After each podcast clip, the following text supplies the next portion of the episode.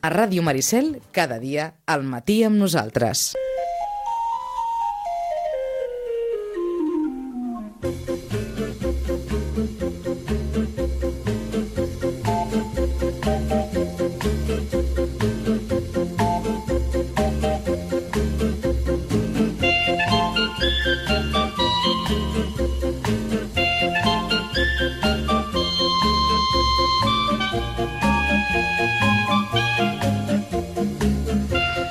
Això, ja tenim eh, en Camil al seu lloc. Camil Villaverde, bon dia. Bon dia. Aquí que... Eh, això està... Déu-n'hi-do, eh? Hi ha, cosetes, hi ha cosetes una miqueta variades aquesta, aquesta setmana, també. Sí, sí, cosetes variades, eh, sèries espanyoles eh, una mica diferents, algunes a les que estem acostumats, eh, que sembla que hi ha una moda darrere. Bueno, hi ha, hi ha, hi ha cosetes avui. Hi ha cosetes, hi ha cosetes per, per, per poder parlar. Doncs eh, la primera és una de les cosetes que, que ens dona per parlar que, i que donarà, o que ja està donant, de fet, força que, que parlar, perquè, de fet, ja ha començat a emetre's. Es, eh, anem a, allò, diguem, una productora espanyola, A3 Media. Yo soy el circo. Es acojonante ser el puto amo. Y piensas que como puedes domar a cuatro fieras, puedes domar el destino. Hasta que un día te das cuenta de que el destino es indomable. ¡Baja a mis tigres ahora mismo! ¡Que bajes a mis putos tigres! ¿Qué te crees? ¿Que a mí no me jode tener que vender los tigres? Estamos con el agua al cuello. ¿Cuánta pasta debemos? 30 millones. Tú déjame a mí. Vamos a conseguir esa gala y van a soltar la pasta. ¿Estamos? Estamos dando una vuelta a la programación. Este año no vamos a poder hacer la gala. ¿Sabes lo que quiere este para firmar esa puta gala? ¿Qué quiere? Hay una rubia que es un cañón de mujer. Están todos locos por ella. ¿Y quién es ella? Volaré. Oh. Yo soy una mujer libre y como cualquier mujer libre jamás me dejaría domar por ningún hombre. Majestades, los reyes de España. ¿Ya nos dirás quién es ese admirador tuyo? Que venimos a hablar con Bárbara Rey. ¿Tienen cita? No, Ángel Cristo no pide cita. Tú estás completamente loco, ¿no? Que no puedo, de verdad, no insistas. Como aquí. Sí, bajo, bajo. I ja han sortit, ja han sortit tots, eh? Bàrbara Rey, Ángel Cristo i su majestad. Ángel Cristo no pide cita, eh? Aquesta frase que ara ens costa molt imaginar-nos, però, però hem d'anar uns anys darrere, als 80, molt abans de no? Shakira i Piqué, la parella, aquest, de separació que està portant tanta, tanta polèmica, doncs la parella de moda dels 80, o una d'elles va ser Ángel Cristo, i Bàrbara Rey. Bàrbara Rey, no? una actriu vedet, de, una icona del destape de- de- d'aquesta època de, del cinema espanyol després de la dictadura, i Ángel Cristo, que ara es fa estrany, però era una superestrella i era un domador, vull dir, domava Sí, sí. animals a un circ, que és una cosa que ara mateix és, no? se'ns fa com... Que, els, eh, que, que, exacte, que el benestar animal fa que ja Exacte. això és com el fumar, eh? Sí, són coses que, que són ja d'una altra època. Exacte, és una cosa tan d'una altra època que, és, que, que ens costa molt imaginar-nos, però i a part la parella, no? que aquí eh, Ángel Cristo té, té, té el rostre del, del Lorente, de, de pues, un tio així atractiu i guapo, però que potser a la, a la vida real era una persona, no, eh, no precisament era un, un sex symbol, però sí que era un personatge com molt molt mediàtic, eh, molt, molt important en aquella època i aquesta relació que té amb Bàrbara Rey, que sí que era com una altra, no? eh, una bomba eh, mediàtica de l'època, eh, ens ho explica en aquesta sèrie que es diu Cristo i Rei, eh, que té molta conya també al És que títol. aquí- Ah, eh, sí, és que, és que té més d'un sentit. Ah, Exacte, perquè recordem que Bàrbara Rey és, va ser eh, la gran amant eh, o una d'elles de, de, de, la, de la Mèrit, del que coneixem ara com la Mèrit, no? i és una cosa que també s'apunta a la sèrie, tot i que per temes eh, legals doncs ho fan una mica... ho deixen una mica diguéssim, no... no... Ho insinuen. Exacte. Més aviat insinuen coses que tothom sap i que... És a dir, no hi ha una escena de, lli de llit Exacte. entre Juan Carlos i Bàrbara Rey. Això, Ol- això, ho han oblidem. Si busquem això, oblidem-nos. Uh -huh. Però sí que són... Eh, es, va, es van apuntant detalls de qui és, quin, és este, quin és tu admirador, veiem el plano del rei mirant, mirant un espectacle seu... Vull Majestat, dir... eh, hi ha un moment que diu Majestat, diu, t'he dicho que no me llames así. No, no, clar, és que són coses que, que ara ens extranyen. Moltes vegades ens poden semblar com molt, perquè, molt pujades, però realment eh, Bàrbara Rey ha sortit fa poc perquè més ha donat la benedicció a aquesta, a aquesta sèrie i, i diu que han rebaixat el to de moltes coses. De... Imagina't. Imagina't, sí, sí, coses...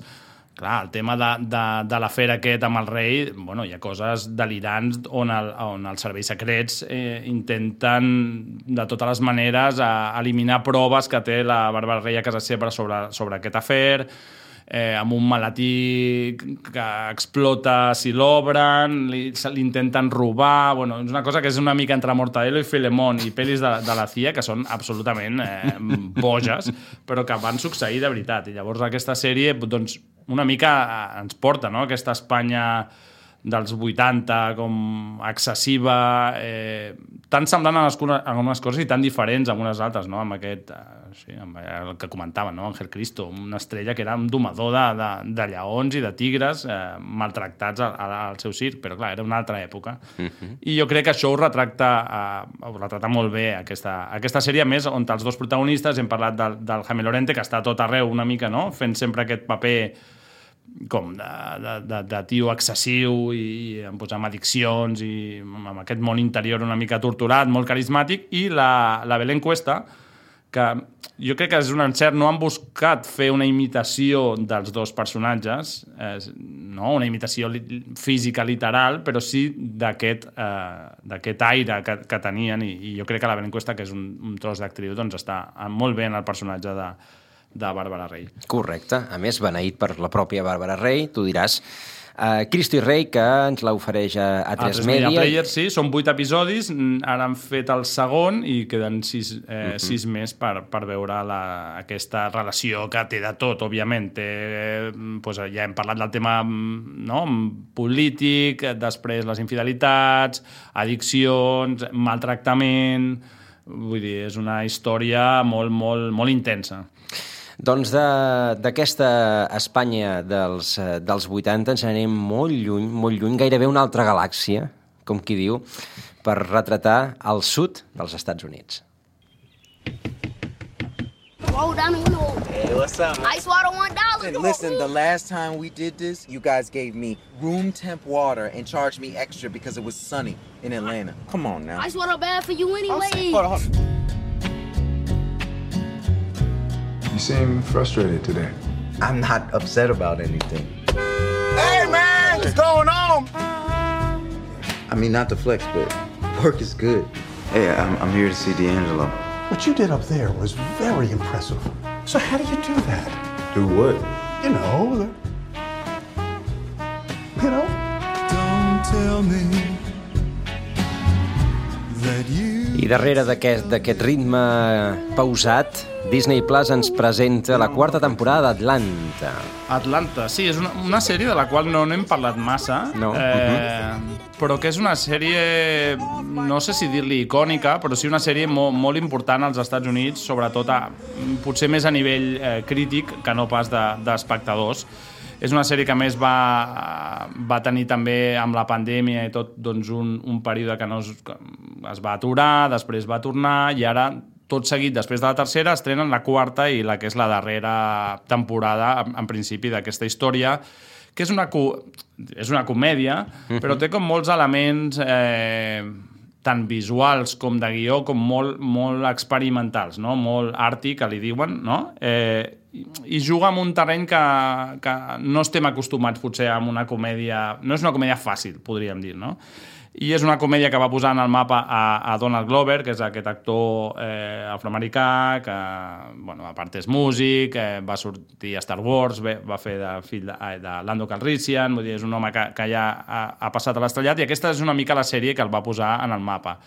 I narra una mica les aventures i desventures de quatre amics afroamericans a Atlanta, que és potser de les ciutats on la comunitat afroamericana és més nombrosa als Estats Units, i una mica la, la, amb humor i, i molt surrealisme eh, la problemàtica a la qual s'enfronten eh, doncs això, joves afroamericans a, a, als Estats Units. Uh -huh. I és una sèrie que ara ja es pot veure tota a, a Disney+. Plus. És una sèrie que al principi crec que no s'emetia en cap plataforma, venia als Estats Units, rebia premis, però aquí no, no, la, no la podien veure, i doncs ara amb l'estrena de la quarta doncs a Disney es pot veure totes les temporades de Disney, que qui busqui alguna cosa diferent, eh, doncs és, un, és un, una comèdia com no a l'ús, una cosa bastant, una mica raruna, doncs li, li, li pot agradar bastant. Doncs són sis, eh, perdó, quatre temporades eh, emeses a, a Disney Plus i que doncs, s'han posat, diguem, en bloc a, a disposició aquesta quarta temporada ja estrenada eh, d'Atlanta. Vinga, tercera, tercera proposta, ens anem a, a una altra de, de les plataformes que no, que no tractem gaire, que és AMC, Uh, que em sembla que està a Movistar, oi? AMC? Ah, exacte, sí. I es pot veure, crec, en alguna de les plataformes aquestes, no sé si Orange o així, tu També, pots subscriure't a AMC, però no és una de les clàssiques de les que tothom clàssiques, tingui. però sí que fan un, bé, una interessant proposta, que és la que escoltarem a continuació.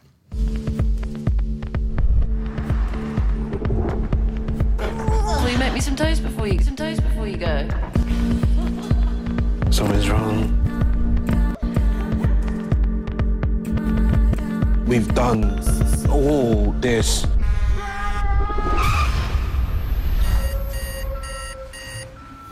You okay? Yeah. Freaks you out at first, doesn't it? I need to know what's going on. We're a top secret organization dedicated to preventing and undoing mass extinction events. Oh, and we can make time go backwards. Welcome to the Lazarus Project, George. That's the checkpoint.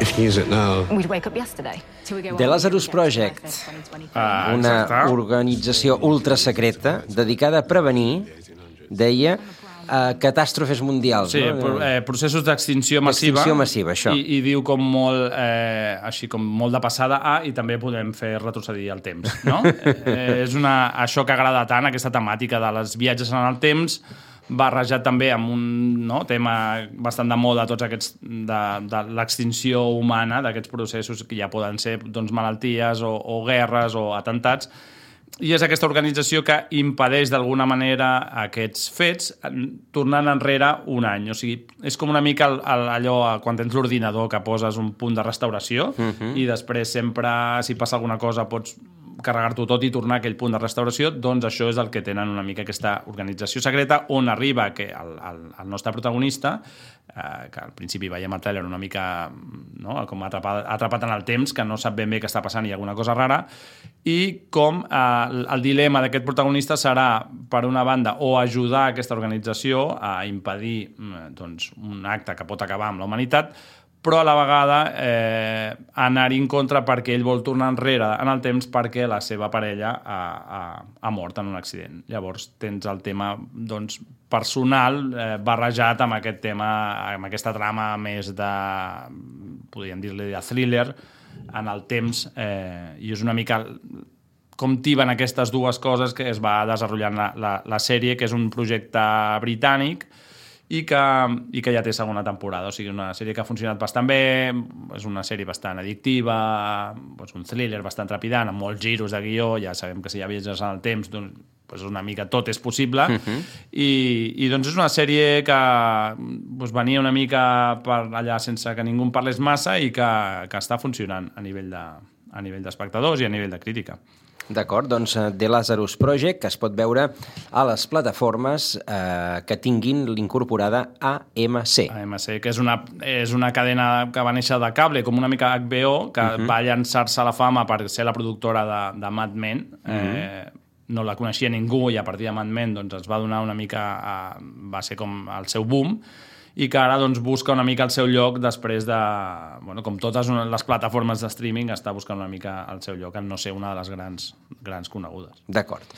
Doncs vinga, uh, següent, ja uh, aquesta ja és uh, pendent d'estrena, perquè ja s'estrena el proper uh, dia 27, el proper divendres. Uh, tornem a Espanya i uh, ens n'anem a Netflix. El mejor atributo de un periodista de investigación es la tenacidad. Las ganas de poner las cosas en su sitio por muy difíciles que parezcan. Bien, todos sabéis quién es Amaya Martín, la niña desaparecida, ¿no? ¡Amaya! ¡Amaya! ¡Amaya! No sabemos dónde está Maya, no. No sabemos qué va a ser de ella y... Todos tememos lo peor. Si hay algo de lo que entiendo es el dolor. Quiero ayudarte a encontrar a tu hija.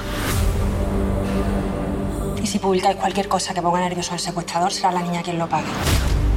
Hace dos años la policía no hizo por mí una mierda. No me ayudasteis. ¿Vais a hacer lo mismo también a esa familia? Nos gustaría anunciar que ofrecemos 100.000 euros a quien aporte cualquier pista que nos lleve hasta Maya. Llevo seis años con este caso. Lo único que quiero es encontrar a la niña. Ha llegado esto para ti.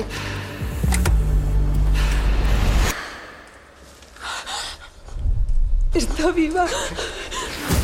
Doncs ja està, ja hem posat tots els elements sobre la taula, sabem que l'Helena està viva i, que per no és tant... una, que no és una comèdia.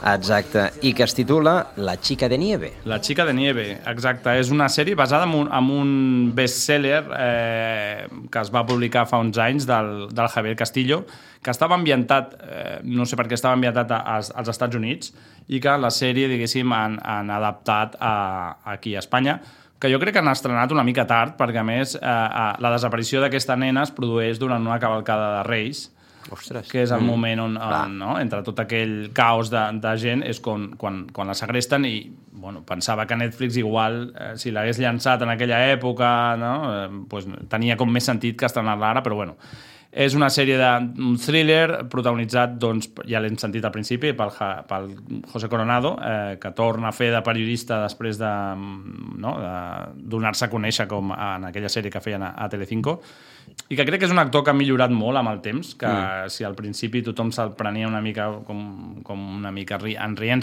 feia aquest paper de galant, però no era gaire bon actor, jo crec que amb l'edat no, eh, ha fet papers molt, molt interessants i crec que, que, que té un, un, doncs una presència escènica que, que ningú esperava potser al principi de la seva carrera i al seu costat hi ha eh, la Milena Smith, que és aquesta noia jove, que és la gran protagonista de, de la sèrie, una noia que va fer No mataràs, una pel·lícula del Victori, i després va ser escollida per, per Almodóvar, eh, va ser una d'aquestes noies Almodóvar, i ara és com un dels grans noms eh, del cinema espanyol. Uh -huh. Aquests són dos periodistes d'investigació que, òbviament, intentaran descobrir qui ha segrestat la, la nena, per què l'han segrestat, a la vegada que hi ha també un misteri al voltant de la protagonista eh, que, que anirem resolent al llarg de, de la sèrie. D'acord. Eh, són sis capítols. Són sis capítols a, a sèrie de misteri, thriller, mm, moltes sorpreses, molts giros on res és el que sembla i on hi ha sempre aquest punt angoixant no? que sempre dona el, el saber que, doncs això, que han segrestat una persona i en aquest cas és, és un nen, no? és quasi un subgènere en si mateix d'aquest... Segrestos de nens, Sí, segrestos de nens. de nens. Que és una cosa que, clar, que colpeix sempre, uh -huh. sempre molt i, i a veure com, com, com el solucionen. Doncs eh, aquesta sèrie, com dèiem, La xica de nieve a Netflix a partir de, del proper divendres. I també divendres eh, Apple Plus o Apple Plus estrena eh, una, una comèdia que va molt en la línia del que acostuma a estrenar Apple Plus. Are you just gonna burn down your career and take me with you? Coin flip? Get out of here. What's on your mind today? Like, I want to change, but I'm not particularly open to make those changes. I'm trying. Every time I get rid of one compulsion, another compulsion comes up. Are you yawning right now? Spoiler alert, I feel like I'm stuck. Right. How does that make you feel? Jimmy! Liz! Hey! It's three in the morning. I'm sorry. What's in that bowl? Pretzels. The other bowl. Maybe some painkillers. Maybe? There's painkillers in there, yeah. I have to ask, is this you forever? I don't know.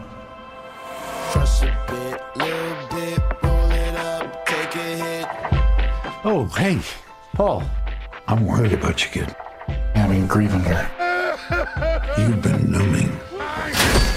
Stop. You're doing sad face. This is just face. I have resting dead wife face. He just kept on going on and on. La típica persona eh, doncs amb mal al cor, trista, però que, bueno, que aquí sempre se li busca una sortida. Exacte. Teràpia sin filtro. Teràpia sin filtro. El, el nom potser no, no és... Aquestes traduccions que fan doncs, mm. no seria potser el millor, però sí que és una sèrie d'aquestes que anomenem feel good, no? que és tot i que la situació pugui ser una mica dramàtica, perquè el protagonista és un terapeuta especialitzat en el dol, al qual la dona se, se li mor, i llavors és com reacciona davant d'aquesta situació tan tràgica, però alhora el to, com hem vist amb el tràiler, doncs és aquest to eh, amb molta comèdia i, i que busca sempre tocar una mica la fibra. No? En aquest sentit, tu, parlaves de les sèries d'Apple Plus, doncs Ted Lasso potser és, és una de les grans banderes de, de la plataforma i aquesta sèrie d'alguna manera segueix una mica l'estela, tot i que els ambients són molt diferents, però és una mica aquest no? aquest to de, de bon rotllo, de que si la veus doncs, creus amb les persones i amb la humanitat.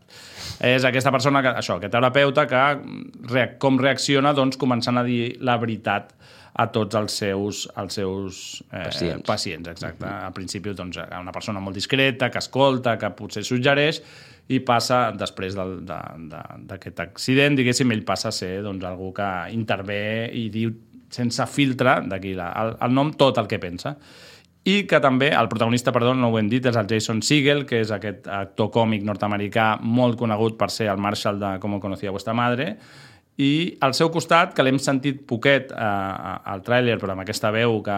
Eh, Poderosa. Bueno, poderosíssima i que, clar, no, no estem acostumats a sentir-la en original, però que és molt, molt, molt reconeguda, que és el, el Harrison Ford, que no acostuma a prodigar-se massa per, la, per les sèries de, de televisió, eh, podríem dir, i que, a més, tampoc acostuma a prodigar-se massa amb comèdies. I potser seria aquesta la, la, seva, ser, la seva primera actuació en una comèdia pura i dura i don, dona, dona doncs una mica... es deixa jugar i deixa anar aquesta vis còmica que sempre ha tingut una mica els seus personatges, aquest to una mica no? entre irònic i allò que en castellà diuen socarrón, uh -huh. doncs uh, Harrison Ford que fa una mica el mentor del, del protagonista. I aquesta relació entre els dos terapeutes i amb els seus eh, pacients i amb el seu entorn més personal doncs dona lloc a aquesta teràpia sin filtro, que és doncs, aquesta sèrie que si vols passar una estona de bon rotllo i de, i de, de més que riure, somriure, uh -huh. doncs uh, és, una, és una bona elecció. Perfecte. Doncs Teràpia sin filtro, com dèiem, a partir d'aquest divendres també a Apple Plus. I vinga, l'última de les estrenes proposades eh, del programa d'avui. Ens n'anem a Netflix i és una quarta temporada ja. Professor Jonathan Moore. Why are you here?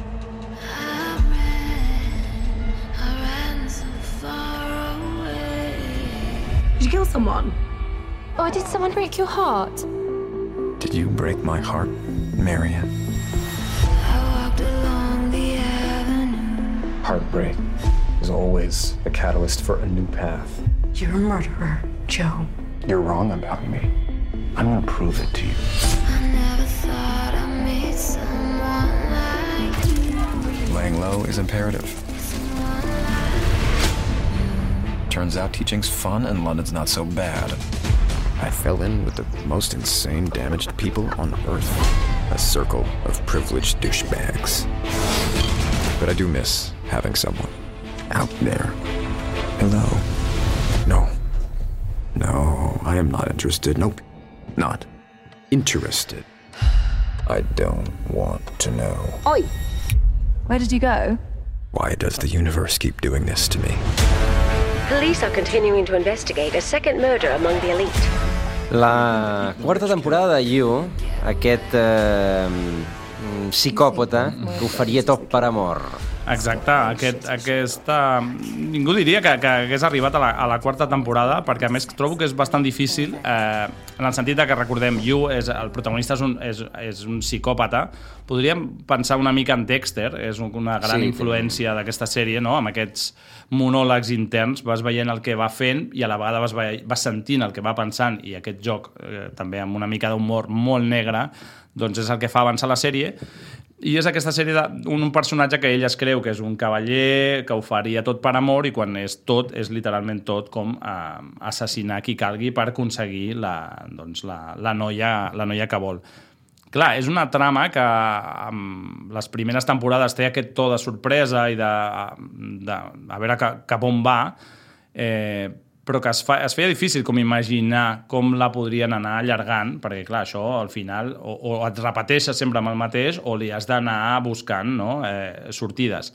I en aquest sentit jo crec que Yu ho, ho està fent bastant bé. Ara, ara situem aquest eh, personatge lluny dels Estats Units, està a Londres, i allà doncs, està en una colla, ja ell ho diu com una sèrie de rics, mm, de, de, de gent insuportablement rica i, i, i en aquí comença a tenir un altre cop aquesta atracció per, per, per una persona, ell s'intenta frenar, ho hem sentit una mica al tràiler, no, com pot ser que això em torni a passar a mi, uh -huh. eh, però a la vegada eh, descobrirem que és algú que també eh, l'està seguint amb ell. En aquest sentit, li donen una mica la volta i hi ha algú potser més psicòpata que ell eh, que sap qui és i, diguéssim, juguen una mica aquest joc del gat i el, i el ratolí.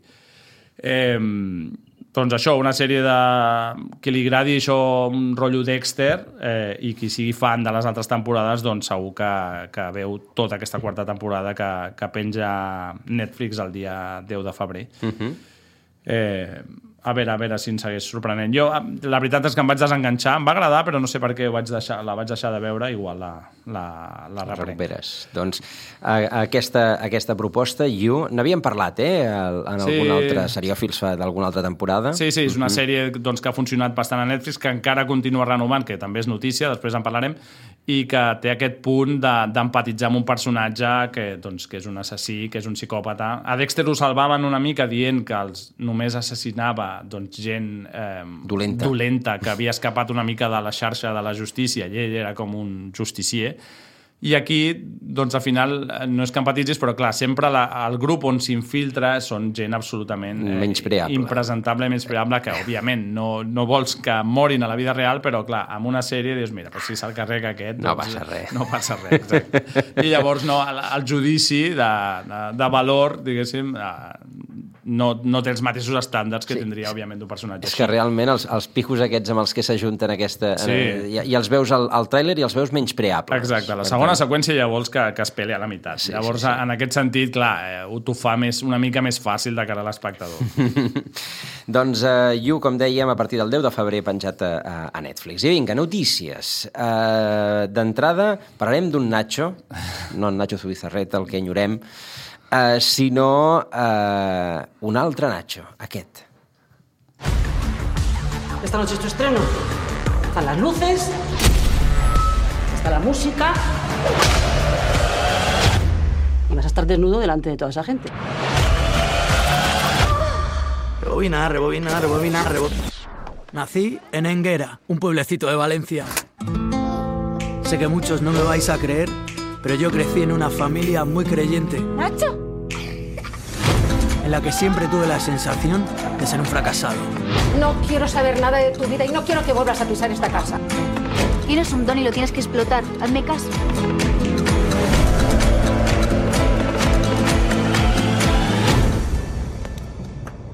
Vaya tela, tú. Así que mientras mi madre iba a la iglesia, yo encontré mi propio templo. Un lugar donde pudieran venerarme. El chico nuevo me gusta.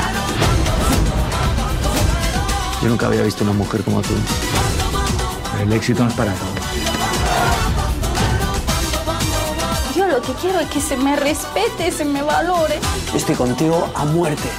Recuerda bien quién quieres ahí arriba. Vidal. I és que estava esperant que diguessin el nom. Nacho Vidal. Tindrà biopic. Ja podíem sospitar, no?, quan comença a dir, tengo un don, eh, vaya tela, a què ens estem referint, no? Sí, sí, és la nova sèrie on el protagonista és Nacho Vidal. Hem començat el programa amb, amb això, amb, amb Cristo i Rei.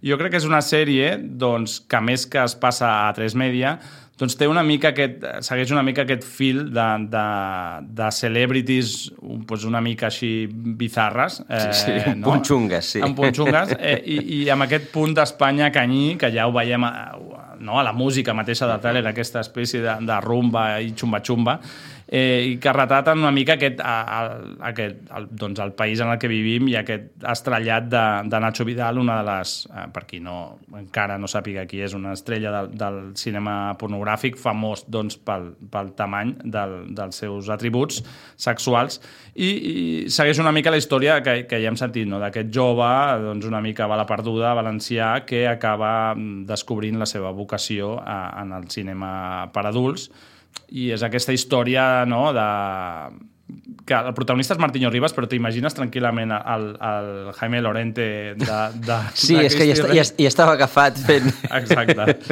Però te l'imagines eh, totalment fent aquest paper, no? També com Sí. molt excessiu, eh, molt... té amb aquest punt macarra... Eh, i que jo crec que és com una, un filó al qual es volen eh, agafar a tres media, en aquest filó de sèries, perquè ja estan preparant sèries eh, una mica en aquest sentit d'agafar com aquestes celebrities eh, sí, no sé com, no sé com Sí, definir-les. ja ho has dit abans, Bizarres, que Sí, és, Bizarres, està, sí. està, està ben... Perquè ja estan preparant eh, una sèrie sobre Miguel Bosé, eh, que abans de que fos doncs, aquesta persona una mica... Que serà, que serà Jaime Lorente quan acabi Sí, exacte. el Hell Cristo, sí. Va ser doncs, un sex símbol als 80 amb aquesta música, sobretot de cara als adolescents, i Mhm. Camilo Sesto, una altra sèrie sobre Camilo Sesto, Camilo Superstar, un altre personatge que potser també el vam conèixer a l'etapa, molts amb l'etapa també ja més bizarra, però que en el seu moment, als 70, doncs, va ser tota una superestrella que va, va preparar tot aquest musical de Jesucristo Superstar, Mhm. eh, del no res, i va ser tot, tot, tot un bombazo. I estan agafant doncs, aquests perfils doncs, com a filons per sèries dramàtiques que, doncs, això, que ens ensenyin el personatge i també ens ensenyin com ha canviat el, el, el, nostre país en, en pocs anys i, i una mica veure doncs, això, l'Espanya dels 70, l'Espanya dels 80, ja es pot començar una mica a parlar sobre ella. És una cosa que fan els americans sovint. Uh, de tota manera, tots els personatges als que ens estem referint, des d'Àngel Cristo fins a, fins a Nacho Vidal, fins a Miguel Bosé, fins a Camilo Sesto, són gent que acaba malament, en general, eh? Perquè Sí, sí. Que, no, que no han envellit bé, per dir-ho. No, home, clar, amb tot el que, si veus les sèries, amb tot el que s'han fotut i el, tot, tot el que han fet, lo estrany seria que haguessin acabat doncs, molt, eh, no? molt amb els peus a terra, no? Mhm. Són gent, doncs això, doncs Ángel Cristo ja, ja està mort, Nacho Vidal, bueno, encara... Sí, ara però té no- molts problemes, també. molts problemes, Camilo Sesto també està mort, eh, Miguel Bosé, bueno, és ara un negacionista... Està buscant, sí, està buscant els... els conspiranoide, sí, sí, està molt, més cap allà que cap aquí, i doncs és una mica per posar-los en perspectiva i que, i que molta gent jove que potser ara els veu com, com això, com uns personatges doncs molt friquis o que fins i tot no saben qui és, qui són, doncs situar-los i, i veure que van ser unes autèntiques estrelles eh, per molt que ara ens estranyi en el seu moment, no? I, i, i que encarnaven una mica també els valors d'aquella època, també uns valors també tots són homes, eh, molt, molt, molt masclista, molt del macho, eh, no? Eh, Ángel Cristo, eh, Nacho Vidal, potser Camilo Sesto no, però bueno, és una, eh, jo crec que, que 3 Media ha vist aquí un, un, un, un nínxol al que agafar-se, a més seran històries com molt potents, perquè segurament aquesta, la vida d'aquesta gent I, I crida molt l'atenció. ens quedaran curts, crida molt l'atenció i ja són coses que ens ressonen, que no recordem perfectament, però sí que té aquest punt també de nostàlgia, eh, de això- dir, ah, mira, Això ho fan molt els americans també, recuperant també doncs, eh, person les vides de persones que, que nosaltres no ens sonen, però que per ells sí que són referents puntuals culturals. Exacte, i doncs aquí doncs, han vist que, doncs, això, que és un bon camí a seguir i si al final són sèries interessants, sèries que, que et plantegen coses eh, curioses, doncs, doncs funcionaran. A veure Mhm. què, què tal aquesta Nacho. Que ja Doncs-. Nacho no és una producció de 3 Media, és una producció de, que anava a Lionsgate, però com que, la, que no, va desaparèixer de- d'un dia per l'altre, doncs se l'ha quedat eh, per, eh, diguéssim, per estrenar-la a 3 Media, mentre es prepara aquestes sèries sobre Miguel Bosé, Camilo Sesto, i mentre veiem a Cristo i Rei eh, ara en pantalla. Perfecte. I ens comentes també que la paraula de moda ara és cancel·lació. Cancel·lació, sí, però no en el sentit del, no, de la cultura de la cancel·lació, sinó la cancel·lació de sèries de la qual Netflix n'és el, el màxim exponent. Eh, S'ha convertit ja en una espècie de, de base per memes per tot internet de les sèries que està cancel·lant eh, darrerament Netflix, que a més Netflix havia potser saltat a la fama doncs, per ser una sèrie que respectava bastant eh, eh, que no es regia potser a, per les lògiques de la televisió tradicional i per tant deixava el seu temps a les sèries i fins i tot quan cancel·lava sèries doncs deixava una temporada sencera perquè els creadors eh, la tanquessin una mica Mhm. com, com amb una mica de respecte pe- pels seguidors doncs sembla que aquests temps ja, ja han acabat. Vam veure com eh, cancel·laven 1899, que és aquesta sèrie de la qual vam parlar, no? dels Mhm. creadors de, de Dark, una sèrie de misteri que a més va funcionar bastant bé i llavors ens porta a pensar això, de per què la gent s'està preguntant per què cancel·lar totes aquestes sèries eh, amb un cert èxit, moltes, però un cert èxit de nínxol. I sembla ser que Netflix doncs, mm, això de, ja no, no vol tant això i vol grans èxits eh, que portin nous subscriptors, que al final és una mica la mare dels ous del negoci de Netflix. Vol pues, això, Stranger Things, o El Juego del Calamar, o, o Wednesday, que és l'altra sèrie que ara renovat fa poc, que va ser també un bombazo. I, I de què depèn? Doncs això, sobretot de les dues primeres setmanes d'estrena que són com fonamentals. Si tu tens molts visionats, molts likes eh, en les dues primeres setmanes, doncs això et garanteix una mica que, que puguin sobreviure. Però mm, altres sèries que poden tenir èxit una mica més a la llarga, doncs Netflix ara, sense mirament, se les està, se les està carregant. Jo crec que tot el tema que parlàvem de reestructuració del món de l'streaming, uh -huh. de que havíem arribat potser al, al pic de sèries que era inassumible, doncs tot s'està posant a lloc i una de les conseqüències és que moltes sèries eh, se les estiguin cancel·lant llavors els espectadors doncs, que tinguin que vigilin on, on posen els ulls en quina sèrie perquè pot ser que, que sense miraments la, la cancel·lin sense un, quedis sense un final. Sí, correcte. Uh, la tirania de la- de l'audiència que a vegades va en contra de la pròpia audiència que té la sèrie. Exacte, però fins i tot ja no de l'audiència a la llarga, sinó de l'audiència a la curta. O sigui, vols resultats eh, molt immediats Massa. i, Mhm. i, i, i de que s'ha de veure... Que és això, dues, tres setmanes són claus per saber si, si es renovarà o no. És igual que a la llarga t'acabi funcionant aquella sèrie. Mhm. Doncs aquesta, aquesta és l'altra. I vinga, va, ens queden encara 9 minutets per comentar la sèrie de la que tothom en parla. Si el mundo está perdido, ¿para qué seguir? Tú no has visto el mundo. No lo entiendes. Sigues por tu familia. ¿Yo no soy tu familia? No. Eres mercancía.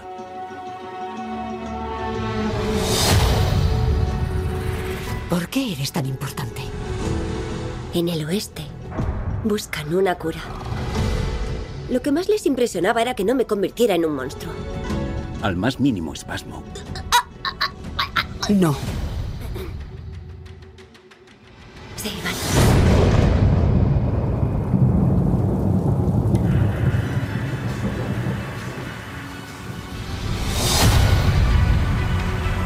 Si vas a venir conmigo, harás lo que te diga cuando yo lo diga. ¿Algún consejo sobre cómo ir al oeste? Sí, id al este. I ja està, és el millor consell que li pots donar a algú que vol anar cap a l'oest. The Last of Us. Last of Us, sí, sí, ja n'havíem parlat. És aquesta sèrie eh, basada en un joc eh, de, de consola, de PlayStation en, en concret. De fet, hi ha dos jocs eh, que venia una mica doncs, amb, aquesta, amb aquest hype de dir la gent l'esperava amb moltes ganes, sobretot els, els fans de, del videojoc, que, que realment són molts, perquè crec que és un dels potser dels videojocs més venuts de la, de la història de, de les consoles i que arriba, doncs, a, que està fent una mica honor a aquest, a aquest hype. Ja hi ha molts crítics, estem a, no estem ni al febrer i estan dient alguns que és la millor sèrie de l'any, també això, bueno, eh, ja ens agrada a tots exagerar una mica, però està funcionant, s'ha convertit en la segona millor estrena d'una sèrie d'HBO en els darrers 10 anys, o sigui, és, parlem de Joc de Trons i, i de Last of Us, i ha aconseguit una cosa que no havia aconseguit cap sèrie a la plataforma, que és eh, créixer en audiència eh, per molt eh, del primer al segon capítol. Crec que hi ha un milió més d'espectadors al segon capítol que el primer, que això és una cosa que no, que no acostuma a passar, i que és, bueno, de fet és la primera vegada que, que passa HBO. Estem parlant dels, dels que miren l'estrena. Eh, HBO, recordem, estrena setmanalment, crec que són els dilluns, i això és el que, el que mesura. Després, òbviament, hi ha molts espectadors, moltíssims més, que, que s'hi afegeixen després amb els visionats quan, quan, quan els hi ve bé. I doncs això, que s'ha convertit potser en la sèrie, en la sèrie del moment, no? Aquesta sèrie de... No sé si dir-li de, de zombis, perquè tampoc són exactament zombis, no? És una... Hi ha com un, uh, un fong eh, que és, uh, es transmet uh, i que es comença a contagiar a tota la humanitat i convertint-los en, doncs això, en persones una mica violentes i una mica una mica de monstres, no? I en aquest món eh, la reacció doncs, és eh, doncs, tornar una mica al, doncs, al poder de l'exèrcit, amb una societat molt, molt feixista, dirigida doncs, per, no? pels, pels, doncs, per l'exèrcit, i amb molta Militars, violència, sí, molt sí. militar, molt jeràrquica, que és la manera que tenen de, de lidiar amb aquesta, amb aquesta epidèmia. És una cosa que sí que ens ressona amb moltes coses, vale? sí que és una sèrie, podríem dir, propera al tema dels zombis, però jo crec que va més pel to i tot a, a pel·lícules com La, la carretera, d'aquesta del Viggo Mortensen, no? D'aquest món postapocalíptic on l'important és una mica la relació entre els personatges i sobretot aquests dos protagonistes, que és el, el, el Pedro Pascal, Mandalorian, que no l'hem pogut veure a Mandalorian pràcticament i aquí el, per tots els seus fans doncs, el poden veure el que vulguin. I la relació amb aquesta noia, amb aquesta adolescent que realment és una troballa perquè és una, una actriu els dos capítols vaja, que, que he pogut veure doncs, està sensacional amb el seu paper que és una, una noia que s'ha contagiat però no, no, no diguéssim, els símptomes no han aflorat. Llavors clar, hi ha l'esperança de que aquesta noia tingui doncs, la, L'antídot. l'antídot, la cura per aquesta plaga que, que, no? que afecta a tot el món. Uh -huh. I llavors la relació entre aquests dos, ell és un descregut, li ha mort la filla, és una espècie de mercenari que l'ha de portar cap a l'oest, aquest oest que parlava en el tràiler, no? perquè allà eh, volen intentar descobrir la, la cura. Mhm. I és una mica aquesta relació de dues persones que molt diferents, que es porten com a matar, perquè a més són molt diferents, ella li pren el pèl amb ell, eh, no, no tenen bona relació, i com eh, aquesta relació anirà canviant, òbviament, en, en, en l'afecte, doncs, amb aquesta relació paternofilial entre els dos, no és una relació tampoc de... de clar, podria, una altra sèrie podria ser una cosa com un romans o una cosa així, Mhm. però no, aquí és un, un- una noia molt jove, un, un home que ha perdut la seva filla i que potser comença a veure eh, coses de la seva filla i comença a recuperar una mica la fe gràcies a aquesta relació amb aquest, amb aquest eh, personatge. D'acord. La, la cosa és que està funcionant. Les sèries apocalíptiques sempre han funcionat, però és veritat el que, eh, el que comentes, clar, The Walking Dead, com ja la cosa anava de sang i fetge des del principi, Sí. aquí no dona tant la sensació que vagi per aquí. Exacte. No és la típica sèrie de zombis i tant de bo no sigui, el seu èxit no, sigui, no signifiqui el revival un altre cop de les sèries de zombis que ja, doncs, ja n'estem una mica cansats eh, i que és estrany quina novetat li poden donar. No? En canvi, aquesta sèrie jo crec que va per una altra banda i, i bueno, a més, hi ha dos, dos creatius molt potents al, al seu capdavant. Un és el mateix creador del videojocs, que això és una cosa molt estranya, no?, de veure el mateix creador del videojoc, però clar, és que el videojoc en si ja quasi és com una pel·lícula, Uh -huh. i aquí el que intentes és doncs, expandir una mica tot l'univers aquest que, que retrata el videojoc, i després hi ha el Greg Mazin, que és el responsable de, de Chernobyl, una de les grans sèries de, de, de l'any passat, bueno, de l'altre any, Eh, I doncs aquesta col·laboració entre tots dos ha donat lloc a una sèrie que, segons els crítics que l'han vist, doncs és una de les, de les sèries de l'any, tot i que s'hagi estrenat ara a, a, al mes de gener. Uh -huh. I sobretot això, que la gent no busqui tant com eh, això, la, la sang i fetge i, i, i sang per tot arreu i zombis en massa, sinó una cosa una mica més continguda, amb molta importància a les històries personals i moltes reflexions també sobre política, sobre societat, que ens poden ressonar molt. Després d'una pandèmia que, que ens ha afectat durant dos anys a tot el món, doncs hi ha moltes coses que, que, que et porten en aquell moment i, i aquesta por no? de, de que pugui tornar a passar una cosa així. Uh -huh. Jo crec que té una sèrie de reflexions que van més enllà de la sèrie, que, que, que són molt interessants i que fan d'aquesta sèrie doncs, una cosa més que, una, que un The Walking Dead, per, per posar-li un exemple. Correcte. Té, eh, de moment és una temporada la que hi ha... De moment és una temporada, HBO estrena eh, un per setmana, demostrant que a més ha aconseguit fer això que parlem sempre, no? que Netflix no ho té potser tant de fer events, no? de que cada estrena sigui un event com passava passava a Joc de Trons o com passava en altres sèries, de que la gent espera no? aquest dilluns per veure i per comentar-la després. I jo crec que en Mhm. això és un encert per ells. Doncs uh, The, Last of, uh, The Last of Us, el darrer de El darrer de nosaltres, nosaltres. uh, la sèrie de la que tothom en parla, la recomanació final d'avui de- d'en Camil. Camil, moltíssimes gràcies. Gràcies a vosaltres. Bones, uh, bones sèries i ens retrobem d'aquí a unes setmanetes. I a tots vostès, doncs, com sempre, moltíssimes gràcies per l'atenció, com, dèiem avui a les 4 i a ple. Si ens escoltem demà a partir de les 9, 9 del matí. Que passin un molt bon dia i fins demà.